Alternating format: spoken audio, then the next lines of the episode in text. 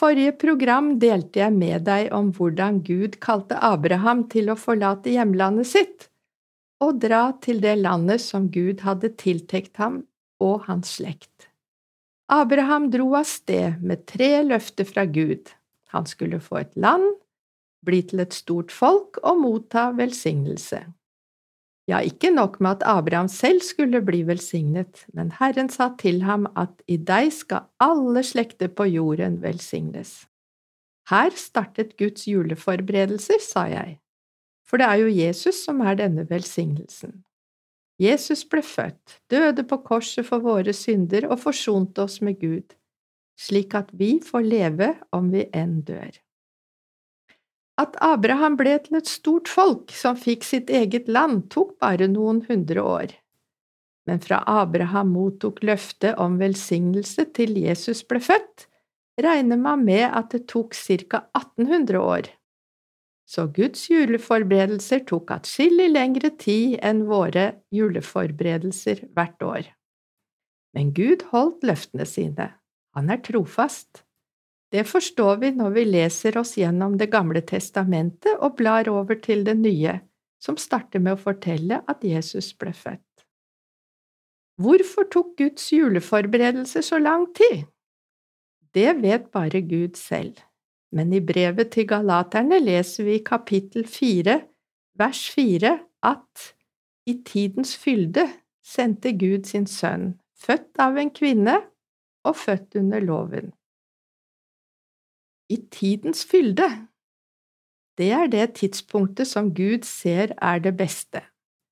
Kanskje Gud så at det gunstigste tidspunktet for Jesu liv her på jord var da romerne okkuperte store deler av landområdene rundt Middelhavet?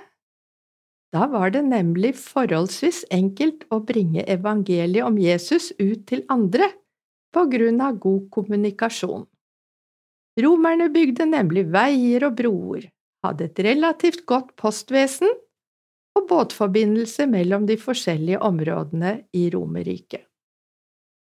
I løpet av de 1800 årene kom Herren stadig med hint om velsignelsen han hadde gitt løfte om til Abraham.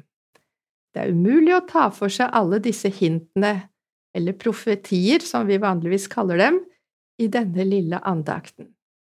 Men hør hva Gud sa til profeten Jesaja, som levde ca. 700 år før Jesus. I kapittel 7, vers 14 leser vi. Derfor skal Herren selv gi dere et tegn. Se, den unge jenta skal bli med barn og føde en sønn, og hun skal gi ham navnet Immanuel. I noen oversettelser står det at en jomfru skal bli med barn. Dette passer jo perfekt på Maria. Hun hadde enda ikke vært sammen med noen mann da engelen besøkte henne for å be henne om å føde Jesus.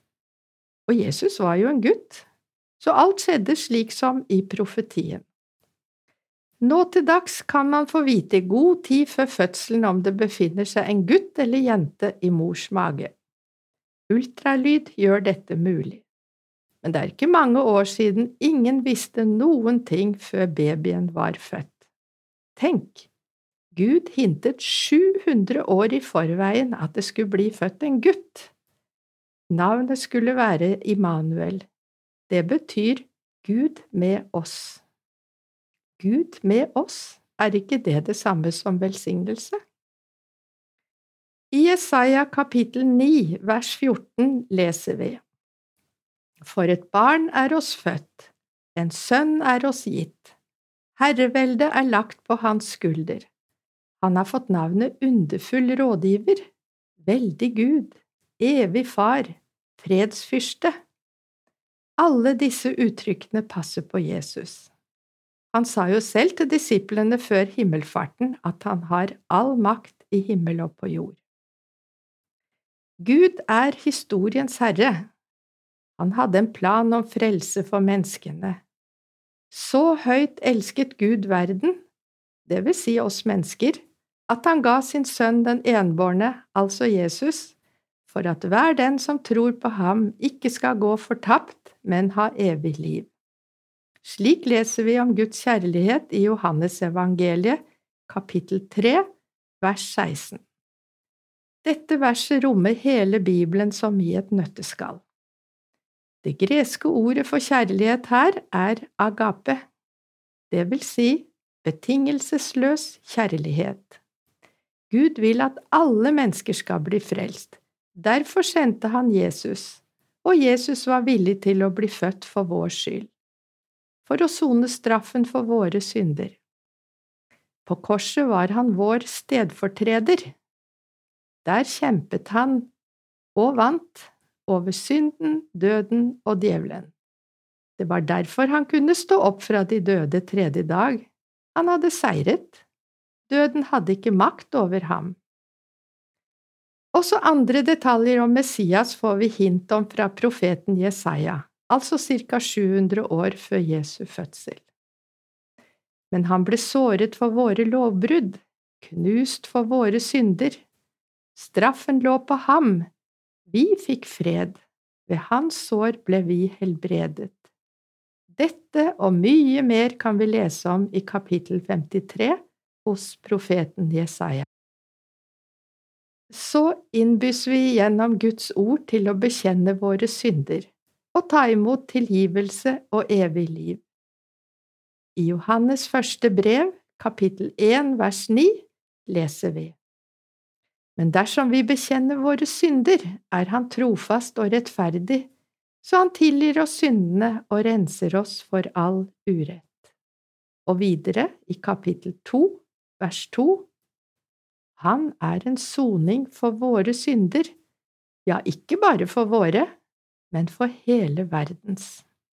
Det er altså i Det nye testamentet at vi får vite i detaljer hva Gud mente med løftet til Abraham om velsignelse til alle slekter på jorden. Først Jesu fødsel, og så korset og oppstandelsen, syndenes tilgivelse og det evige liv. Som sagt, det tok lang tid fra løftet ble gitt til Abraham til Gud oppfylte løftet. Men løftet ble ikke glemt av Gud.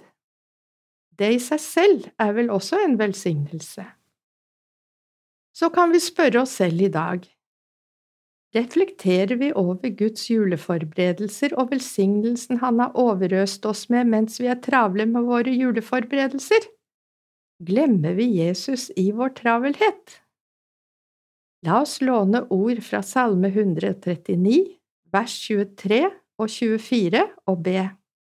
Ransak meg, Gud og kjenn mitt hjerte. Prøv meg og kjenn mine tanker.